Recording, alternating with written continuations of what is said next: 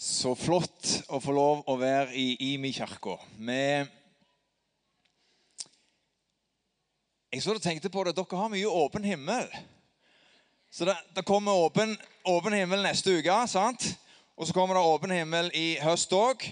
Så lurte jeg på er det lukt i himmelen i kveld. Men, men, det tror vi jo ikke på. Vi tror på åpen himmel i kveld òg. Ja, men det er bra. Så eh, jeg har gleda meg veldig til denne kvelden. Hva sier du, Gunnbjørg?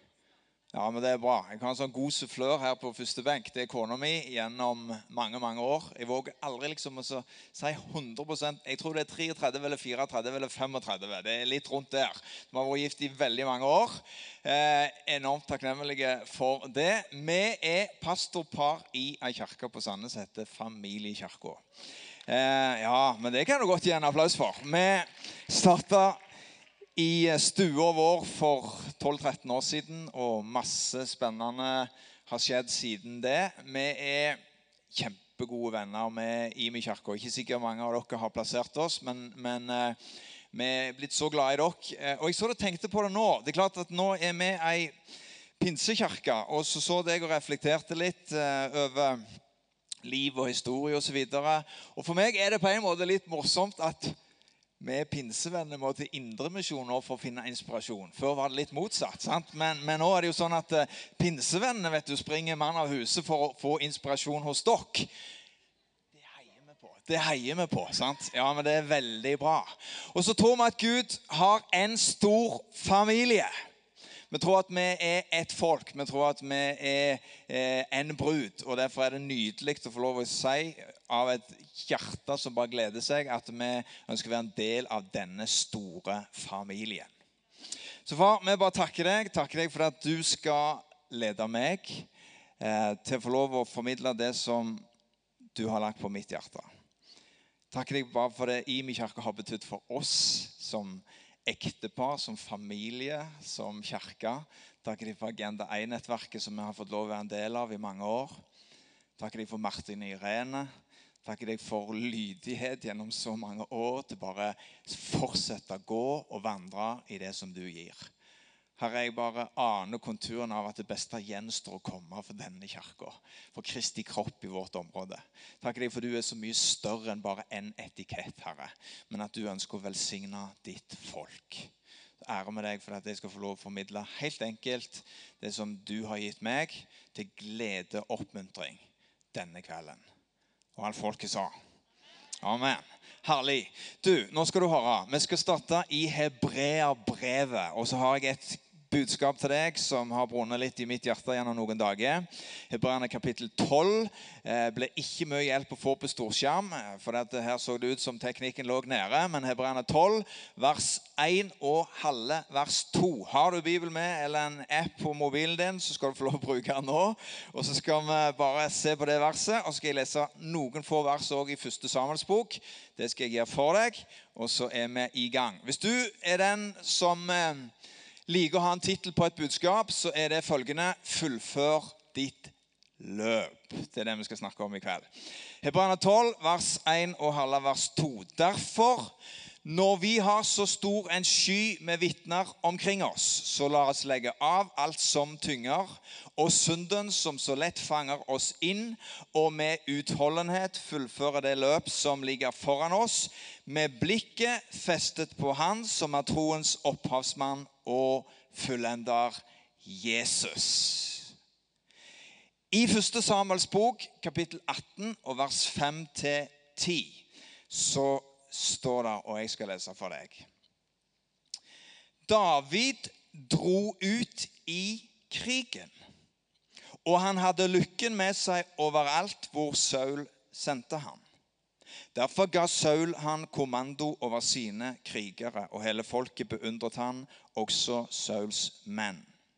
Da hæren kom hjem etter at David hadde felt filisteren, kom kvinnene syngende og dansende ut fra alle byene i Israel for å møte kong Saul med trommer, gledesrop og triangelspill. Mens de danset, sang kvinnene. Saul slo tusener, men David slo titusener. Da ble Saul brennende harm. Han mislikte disse ordene og sa, de gir David æren for titusener, men meg bare for tusener. Nå mangler han bare kongsmakten. Fra den dagen så Saul skjevt til David. Jeg vil at vi skal koble to beretninger i kveld og bruke de som ei bro for det jeg har lyst å si. Jeg har lyst til å dele noen tanker om ditt løp. Du er her for en hensikt som er større enn bare deg sjøl. Det er noe som Gud har lagt over ditt liv, dine talenter, så han vil at du skal få lov å fullføre. Ditt løp holder fokus på det. Du ser, ingen andre kan springe det løpet som du er bestemt til å springe. Nå har jeg skjerf på meg i dag, og jeg kan hive det. Jeg er klar over at uh, gradestokken viser 12 grader. Halleluja for 23 eller 25. sant? Men vi så ute nå i sommer, den dagen det var sommer på Gandalen iallfall. Jeg tror det var på fredag eller lørdag. sant? Og Da var det litt bra vær. Uh, og vi feirte Gunnbjørg som fulgte år, og så ble vi sittende og prate litt. Og så har Gunnbjørg lest noe, så deler hun litt med meg. Har du lest den artikkelen knytta til at titusenvis av voksne nordmenn går litt fast foran TV-skjermen sin og bruker uhorvelig mange timer i å se på TV. Jeg følte meg ikke truffet, for jeg ser ikke så mye TV. Men jeg har visse andre debutter som jeg kan bruke litt tid på. Det skal jeg ærlig innrømme. Men det er utrolig mange mennesker òg i vårt land selv i godt voksen alder, som bruker mye tid framfor TV-en. Jeg er ikke ute etter å arrestere noen nå. Jeg sier bare at vi kan fort befinne oss i en situasjon der vi begynner å leve våre liv gjennom andre. Og Det handler om den oppvoksende generasjonen òg. Der det er så utrolig mye påvirkning, så mye som skjer rundt oss. Så fanger det livene våre, og så blir det som om vi begynner å leve vårt liv gjennom andre. Faren kan være der. Så våger vi ikke helt leve vårt eget liv. Hva skjedde med kong Saul? Kong Saul var jo den som sto fram ett hode høyere enn alle andre, så vakrere ut enn alle andre kongsevner i landet. Og Det var mulig derfor han ble valgt som konge. Men denne kongen sleit gjennom hele livet hvis du leser hans historie om sammenligning, usikkerhet, redd for å gjøre feil. Og som et resultat av mindreverdet han sleit med, så ødela det livet hans. Det hjelper ikke om utsida er ok, om innsida sliter. Og vi som kristne kan bli påvirka av tidsånda som vi er en del av i 2015 så mange ting som på en måte forteller oss litt hvordan vi skal se ut. Se og bli sett. Det påvirker oss kanskje i større grad òg som kristne enn det vi er klar over. En enkel beretning i kveld som jeg har lyst til å, å bare dele med deg, som jeg vil at du skal bare huske fra denne gudstjenesten. Jeg skal beskrive det litt som det å være lam eller sau. Jeg vet ikke om du har tenkt på det, men, men når Bibelen beskriver oss i forhold til dette med eh, å, å, gi et eksempel på hvem vi skal være, så kommer dette begrepet opp. Jesus bruker det sjøl ved flere anledninger. Og jeg kan tenke at Sauer er jo på en måte ålreite dyr, men de imponerer liksom ikke så veldig. Hva med, med løver, f.eks.? Det klinger bedre. Men, men sau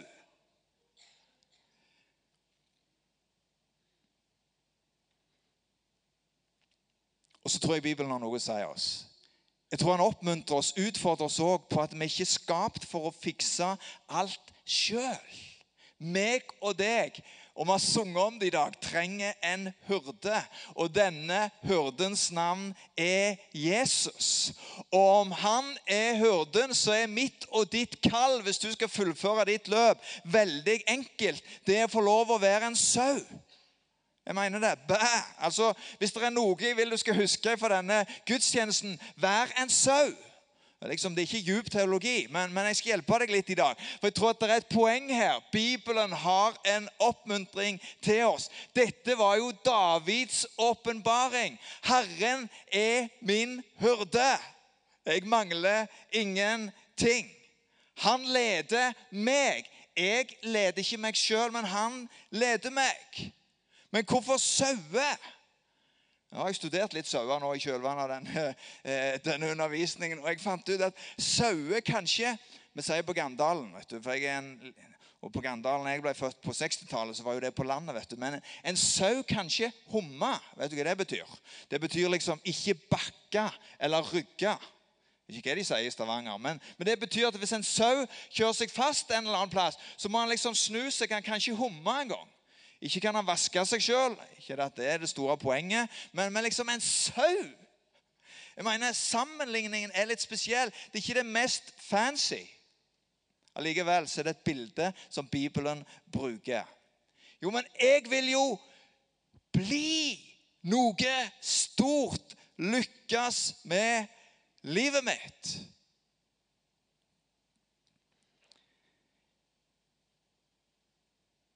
Ditt liv, tror jeg, er mindre komplisert enn det du gjør det til. Du trenger ikke fikse alle tinga sjøl. Bibelen har en sånn en oppmuntring til oss til at eneste vi trenger, det er faktisk å følge Han som er hyrden vår, for han vil lede oss. Han vil lede mitt og ditt liv. I Johannes kapittel 10, Johannes kapittel 10 og vers 14 så sier Jesus sjøl jeg er den gode hyrden. Jeg kjenner sauene mine, og sauene mine kjenner meg. Han er vår hyrde, og du kan høre hans røst. Og jeg tror det er så enkelt at om jeg og deg velger å bare følge han, så vil det gå bra med oss. Noen ganger er jeg ute og sykler, eller jeg blir, til mer ser jeg at det var det som var hele poenget. Bare kom og følg meg. Så kan vi være så fulle av andre ting, sammenligning, som drar fokuset. Mens Bibelen oppmuntrer oss til å være sånne enkle lam som følger hyrden vår. Noen av oss kan være fattige og ha mangel i livet, og så vil vi kave mye for å få trygghet og for å få nok. Er du rik, så vil du kanskje streve for å beholde det du har, i frykt for å miste. Men om du er en sau, så kan du slappe litt mer av. Kanskje du syns det er litt sånn, sånn naivt, men, men, det er noe i det å få lov å bare være en enkel etterfølger. En sau som kan få lov å følge hurden. Om du følger han, så vil han lede deg. Og du holder dine øyne på han. Det var jo Sauls store utfordring. For noen ganger i livet så kommer du dit at omstendighetene reiser seg, og så begynner du å få fokus på dem, og så faller du igjennom. Mens David derimot jeg tror Suksessen til David det var at han hadde forstått at det handler ikke om han. Jeg har bare en som jeg vil følge. Herren er min hurde. Jeg fatter ingenting. Eller jeg mangler ingenting, som det står. Det er noe fantastisk i å få lov å bare være en sånn enkel etterfølger. Noen ganger så har jeg sammenligna meg litt med Peter. Impulsive og masse ord inni seg. og Jeg ser han for meg. Og så ser du for deg Peter i Det nye testamentet, der han liksom sitter om bord i båten med disiplene. Og, så, og på Jesu befaling så bare Ja, jeg vil komme til deg på sjøen, Jesus. Sant? Og så bare drar han ut på bølgene. Og så skjer det noe i livet hans. Han begynner å se på omstendighetene og bølgetoppene. Og så plutselig så kommer denne frykten over han, og så begynner han å synke. Og Sånn kan mitt og ditt liv være noen ganger. Men du ser det er derfor han vil være hurden vår. Han vil lede oss. Han vil at vi skal ha blikket festa på han hele tida. I Matteus, I Matteus kapittel 6, i vers 33 og 34, så sier Jesus sjøl søk først Guds rike og hans rettferdighet, så skal du få alt det andre i tillegg. Så gjør deg ingen bekymring for morgendagen, står det her. For morgendagen skal bekymre seg for seg sjøl. Hver dag har nok med sin egen plage. All right. Og så så jeg og forberedte meg litt og stussa litt over det. Så visste jeg hadde jeg hørt ei sangstrofe som gikk litt i retning av Hans nåde er ny hver en morgen. Så er det en sang som går litt i den retning. Jeg tenker Det må stå i Bibelen en plass. Ja, men ikke du pastor, da? Nei, men jeg har ei kone som er på en måte ganske godt kjent i Bibelen. Så jeg spurte Gunnbøg hvor, hvor står det henne. Jeg hadde en litt sånn idé om at det står 'nåde ny hver morgen'. Ja, det må du jo vite. sant? Ok, du sa ikke det, men eh, du guida meg iallfall. Og så fant vi det, så, så jeg, Gunnbjørg det står i klagesangen. Jeg tenker Det er jo ikke akkurat en klagesang, det er nåde ny hver morgen. Kan det stemme? Ganske riktig. Klagesangen er kapittel 3. Hans nåde er ny hver morgen. ikke det nydelig? Hår. så så jeg og spant litt over det, og så tenker jeg ja, men nåde hver morgen. Kast bekymringene på han, for han har omsorg for deg. Alle bekymringene som jeg og deg går og bærer på. Kanskje du bekymrer deg for det som skal komme neste uke. Nå vet jeg det er åpen himmel og alt det, Men du kan stå i ting. Det kan være ja, men Det kan være eksamen, det kan være jobb, det kan være en ekteskapskrise. Det kan være unger som du kjenner du har utfordringer med. Har du lagt deg noen kvelder og tenkt wow, jeg bekymrer meg litt for det som skal komme på fredag? Kjenner du deg litt igjen? Nei, men ikke fredag som meg, det er tirsdag som meg. Nei, men ok, sant? Men, men det er et eller annet som du har bare tenkt Hvordan skal jeg fikse det? Nå skal jeg gi deg en liten åpenbaring som jeg bare kjente Wow, det var herlig for meg. For noen ganger så tar vi sorgene eller bekymringene på forskudd. Men vet du hva? Det er ny nåde hver morgen. Det betyr, som jeg opplevde Den hellige ånd sa til meg, at den nåden du trenger på fredag, ikke får løst ennå. Den får du på fredag. For du ser, nåde er som manna. Og Israelsfolket de prøvde å ta hånd om mannen liksom, og lagre litt i tilfelle det skulle bli for lite. Men den mannen de lagra, den råtna. Men du ser, nåde den er ny, frisk hver dag. Det betyr at du kan ikke lagre nåden. Den nåden du trenger på fredag, kommer på fredag. Den nåden du trenger på lørdag, kommer på lørdag. Den nåden du trenger på søndag, kommer på søndag. Skjønner du? Wow, er ikke det herlig? Ja, Så det betyr at du har nåde for hver dag. Hans nåde er ny hver morgen. Det er mest verdt et lite halleluja. Sant? Ja, men vet du hva? Det er herlig å vite.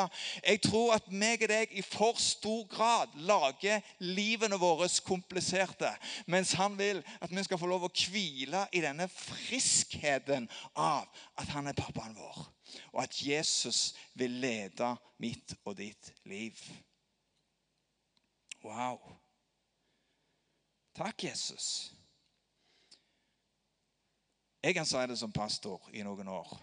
For Noen ganger trør du inn i en drøm og du tenker 'wow', skal innta landet og mange ting.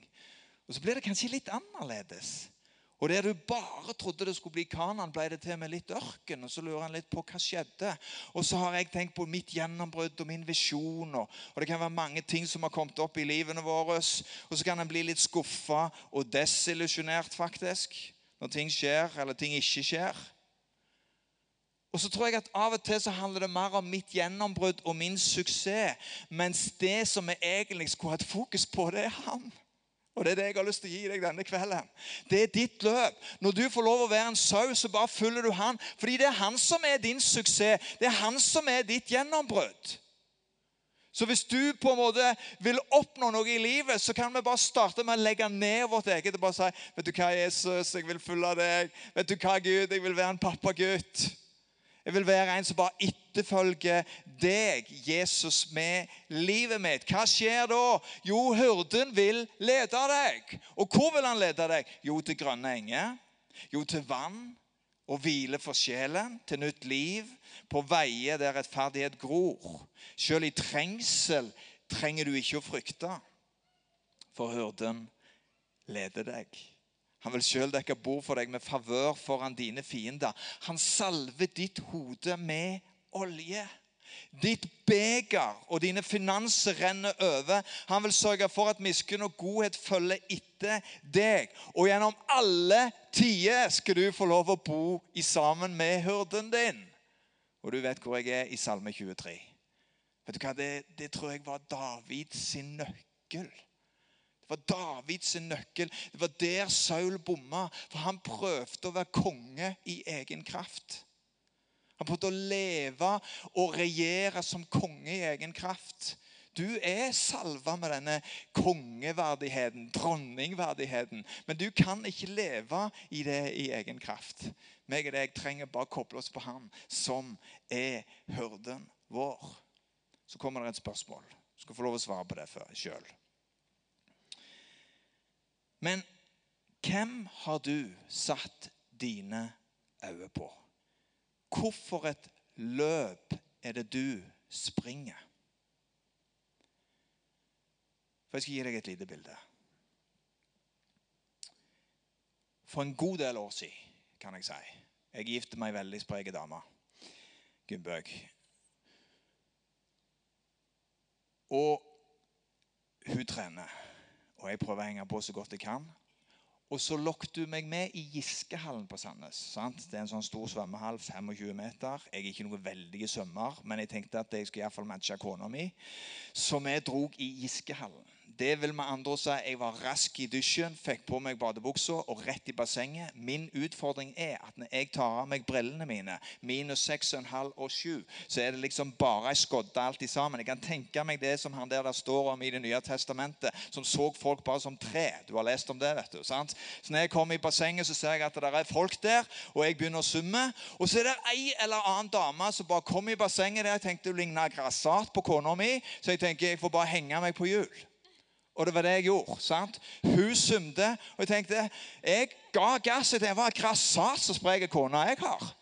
For hun sumte så vanvittig, og jeg la på søm. Jeg òg. tenkte jeg kan iallfall ikke være dårligere enn henne. Er du litt mann, liksom, så er det flaut å tape for kona i bassenget. Det er du enig med meg i? sant? Så jeg ga gass helt til jeg oppdaget etter to-tre lengder at det var ikke Gunnberg i det hele tatt. For der kom hun smilende ut på bassengkanten og kom fra dusjen og var klar til å svømme. Og jeg tenkte takk Gud, nå skal det gå bedre, tenkte jeg. sant? Men skal jeg si deg en ting? det gikk dårligere. For den dama der sumte enda raskere enn hun jeg hadde lagt meg på hjul allerede. Og jeg måtte bare gi jernet. Og jeg syntes det var flaut som jeg sier, i det hele tatt å tape. Så jeg prøvde å pese på så godt som jeg kunne. Og jeg holdt den ene runden etter den andre. Jeg trodde aldri hun skulle bli ferdig. Og jeg vet ikke helt hvordan det gikk, men jeg vet én ting. Jeg var blå og grå når jeg var ferdig. Og du kan spørre Gunnbjørg etterpå.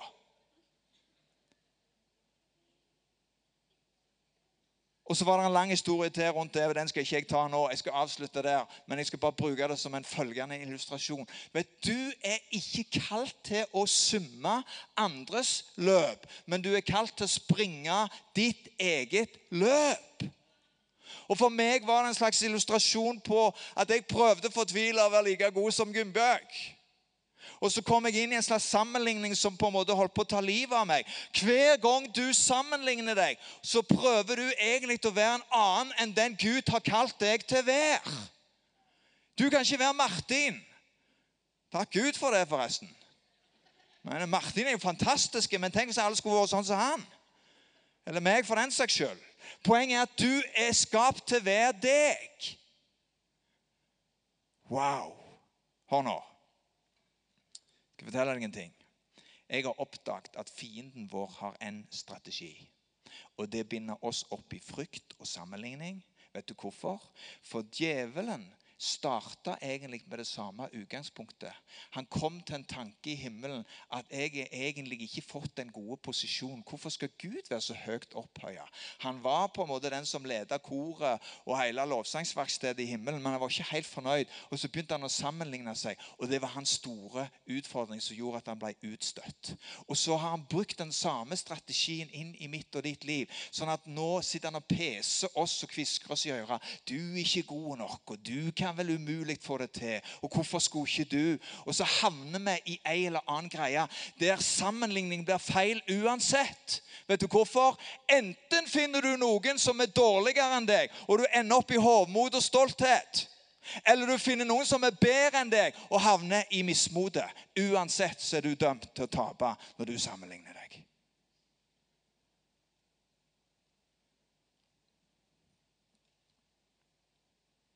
Sammenligning er kreft. Det stjeler fra oss. Apostelen Paulus sier til kirka i Korint i 2. Korinterne kapittel 10 vers 12 Vi sammenligner oss ikke fordi det er dumt. På gresset står det idiotia, og du vet hva det betyr. Det er dumt å sammenligne seg. Det er et kall som er lagt på ditt liv, noe som er helt spesielt for deg. Ingen andre kan gjøre det som Gud har kalt deg til å gjøre. Det er ditt kall, og det er ditt løp. Og Det er derfor jeg sier det er enkel teologi i kveld. Husk at du er en sau, og sauen bare følger hurden.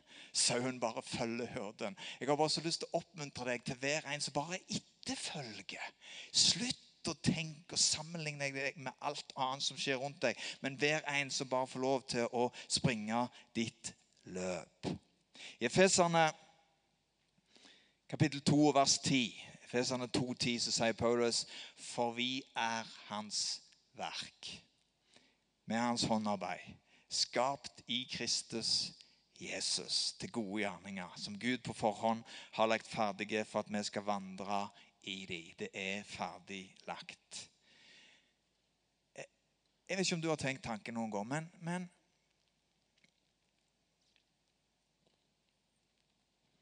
Om ikke du springer ditt løp, hvem skal springe ditt løp da? Og om ikke du er deg, med milliarder av celler som er finurlig satt sammen gjennom et guddommelig mirakel i din mors mage, skapt av Gud for en hensikt. Hvem skal være deg hvis ikke du er deg?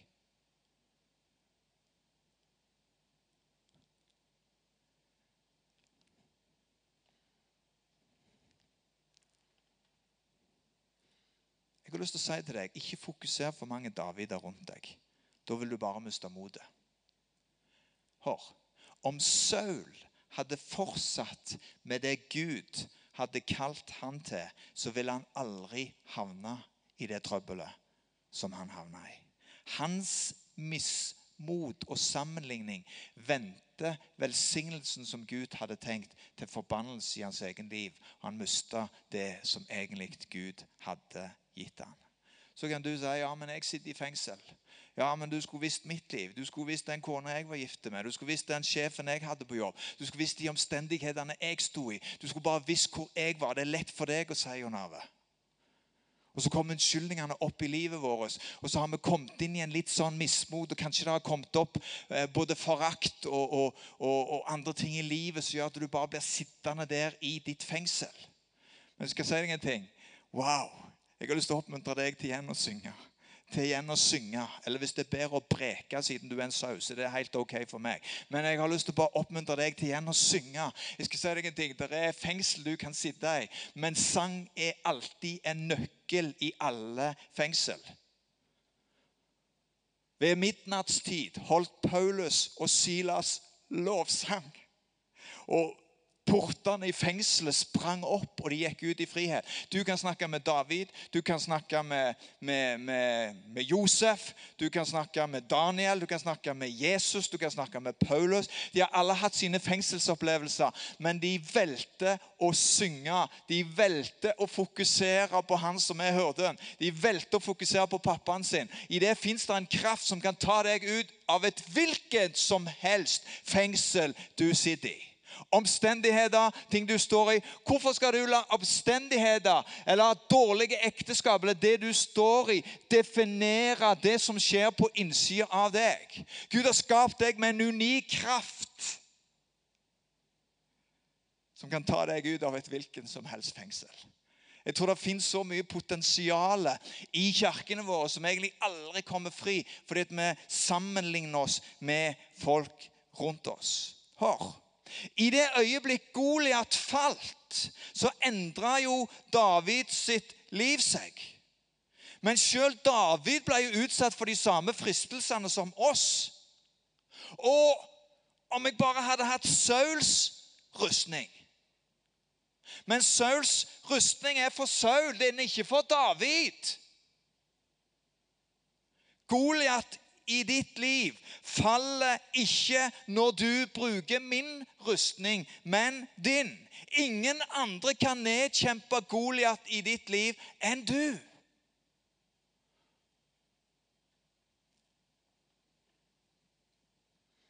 David måtte springe sitt løp i sine sko med sine våpen. David la av seg Sauls rustning, og det øyeblikket endra hans liv. Og Det er derfor jeg har lyst til å oppmuntre deg med det genuine som Gud har lagt på ditt liv. At du og ditt løp det er dømt til å vinne hvis du bare våger å springe det løpet. Litt mer skylapper for de som er rundt deg, og våger å springe med det Gud har gitt deg. David hadde fått fem steiner. Sant? Han ble the first rockstar. Ja, det er en kristen vits, da, sant? men han ble den første steinstjerna. Du skjønner den? Ja, men det var det han ble. Sant? Han, han ble den første rockestjernen. Sant? Fordi han vågte å bruke det Gud hadde gitt ham. I dag leser vi jo det som en fantastisk historie. Vi leser det som liksom Wow! David med Goliat, mest 3,5 meter høy, med rustninger med alt våpen som de hadde. Hele hæren lå i frykt. Så kommer denne lille gutten med fem steiner. Nå etterpå kan vi fortelle det som en god historie. Du er der ute med dine fem steiner, men de er gitt deg av Den hellige ånd. Og Hvis du våger å bruke det, så kan alt skje.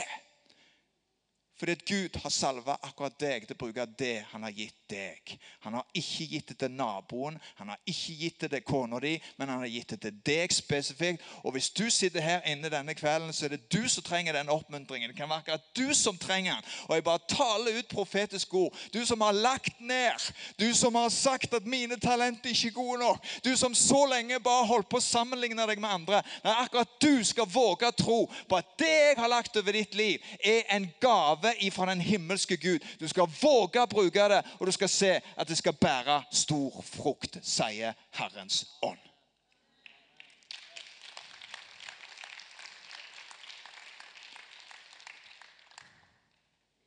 Ikke gi opp. Og så har jeg et budskap til dere som er med 60, 70.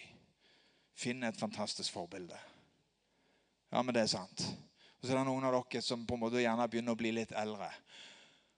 Og så har jeg passert 50, og så tenker vi liksom, kan vi være med å bringe noe? Så står vi i noe nå.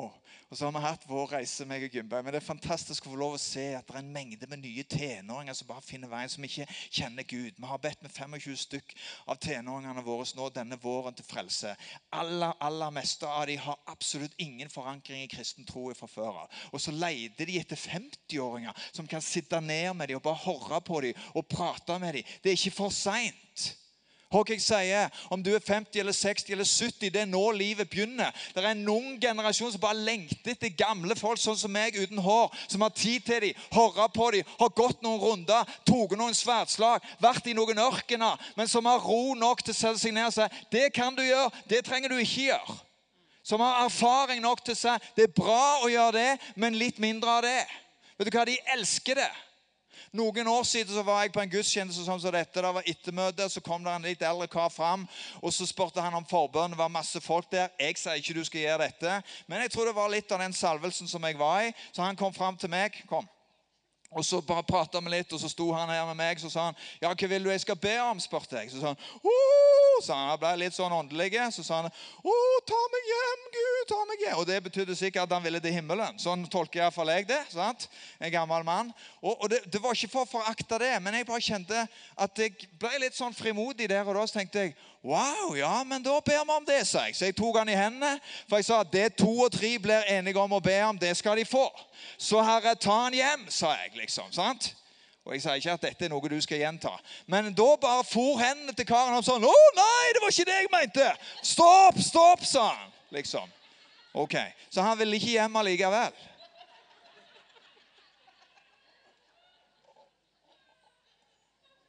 Men hva er poenget mitt? Poenget er at vi, vi kan bli litt sånn åndelige, og så tenker vi 'Å, himmelen, nå kommer jeg'.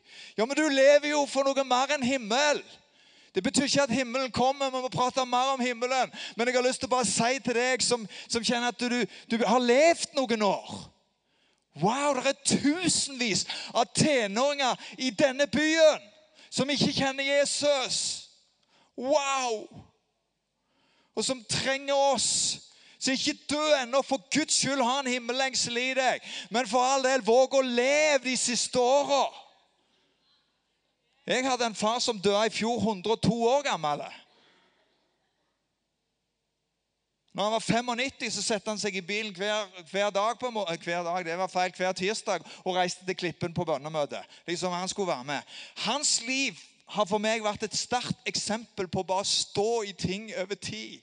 Han var 42 år gammel når han tok imot Jesus, men han valgte bare å dedikere inn helt opp i de grå hår til han var over 100 år. Så bare priste han Gud og hadde tro for en vekkelse i neste generasjon. I dag så har den ene bekjennelsen på en mann som var 42 år, resultert i 30 barn, barnebarn og oldebarn som alle tjener Gud pga. én mann og én beslutning.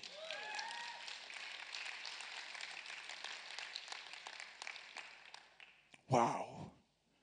Jeg tror på å fullføre løpet. Jeg tror at det ikke er for seint. Jeg tror at vi har en fantastisk mulighet akkurat i vår tid. Saul flytta fokus, og så er jeg i ferd med å lande ganske snart. Hva skjer? Jo, du leser det her i historien. David. Wow, 10 000. Jeg bare 1000. Du ser Sammenligning starter alltid med meg. Hva skjer med meg? Har du møtt disse meg-menneskene? Men meg skaper problemet. Har det stjeler gleden fra livet ditt. Det skaper frykt, og det skaper selvmedlidenhet. Du blir blind med sånne briller på. Om du har på de, skjer følgende. Du klarer faktisk heller ikke feire andres suksess. Det er så lett å ta dem på sosiale medier, Facebook, antall likes.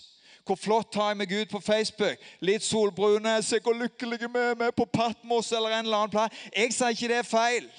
Jeg sier at det er fantastisk å ha ferie, men jeg sier at hvis vi begynner å leve livet vårt gjennom hva folk mener om oss, hvor mange likes vi har, og hvor bra vi tar oss ut på Instagram, så har vi bomma totalt. Da våger vi, eller vi speiler oss i feil speil. Og er en del av denne tidsånden. Jeg kan si det som familieterapeut. For jeg sitter med coaching av folk som sliter en masse i kristen sammenheng. For vi har, ikke, vi har ikke på en måte knekt de helt elementære kodene av at han vil være hurden vår. Du kan få 1000 likes. Du kan få to millioner likes, men like fullt putte i deg eh, drugs på kvelden for å få sove. Fordi På innsida er det kaos. Fordi vi prøver å bygge en slags identitet og selvbilde som til syvende og sist vil rase. Saul hadde etterfølgere og tilhengere. Men med en gang det kom opp på noen på sida av han som fikk litt mer likes, så sleit han på innsida. Fordi hele hans identitet og trygghet var bygd på noe annet enn tryggheten Gud ga. Og det kan òg prege vår generasjon. Hjelp oss, Gud. Hjelp oss, Far, til å ha vår trygghet i deg. Det er ting vi står i som pastorer, og som jeg har stått i, som jeg har tenkt wow, hvorfor kunne ikke ting bli litt annerledes? Noen ganger så leder bare som, om Den hellige ånd bare tar deg ut i ørkentilværelser. Og tenkte ja, men hva gjør jeg her? Det var ikke her jeg ville være. Snakk med Moses.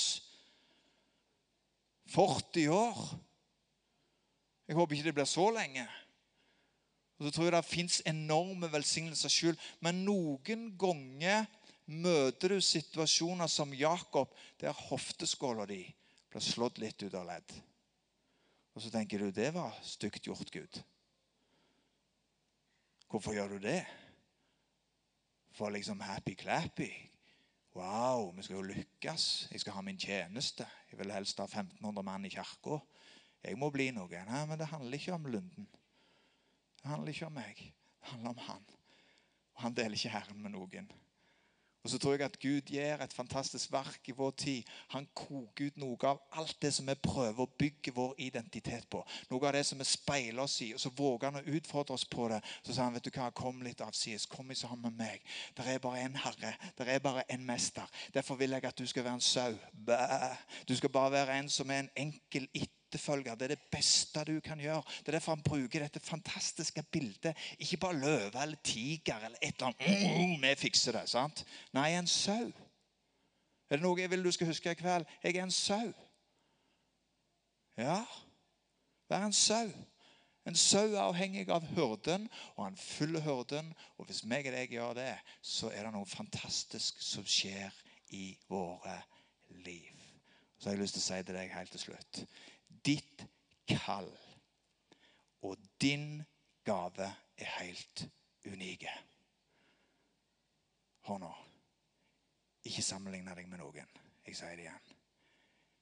Jeg tror at Hvis vi våger som Kristi kropp å reise oss opp med våre talenter si at dette er meg, dette er min drøm, og jeg gir han inn i kirka.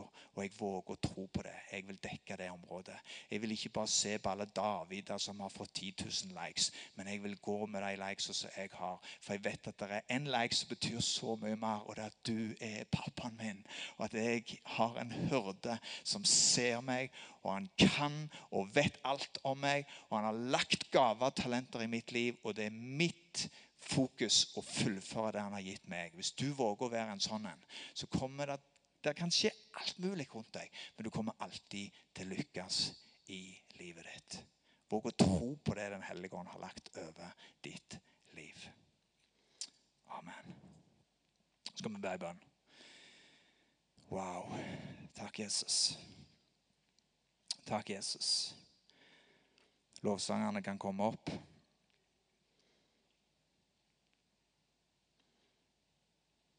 Hvorfor et speil ser du deg i? Er du som dronningen i eventyret som ser seg sjøl i speil av og til, så opplever du at det er Askepott du ser?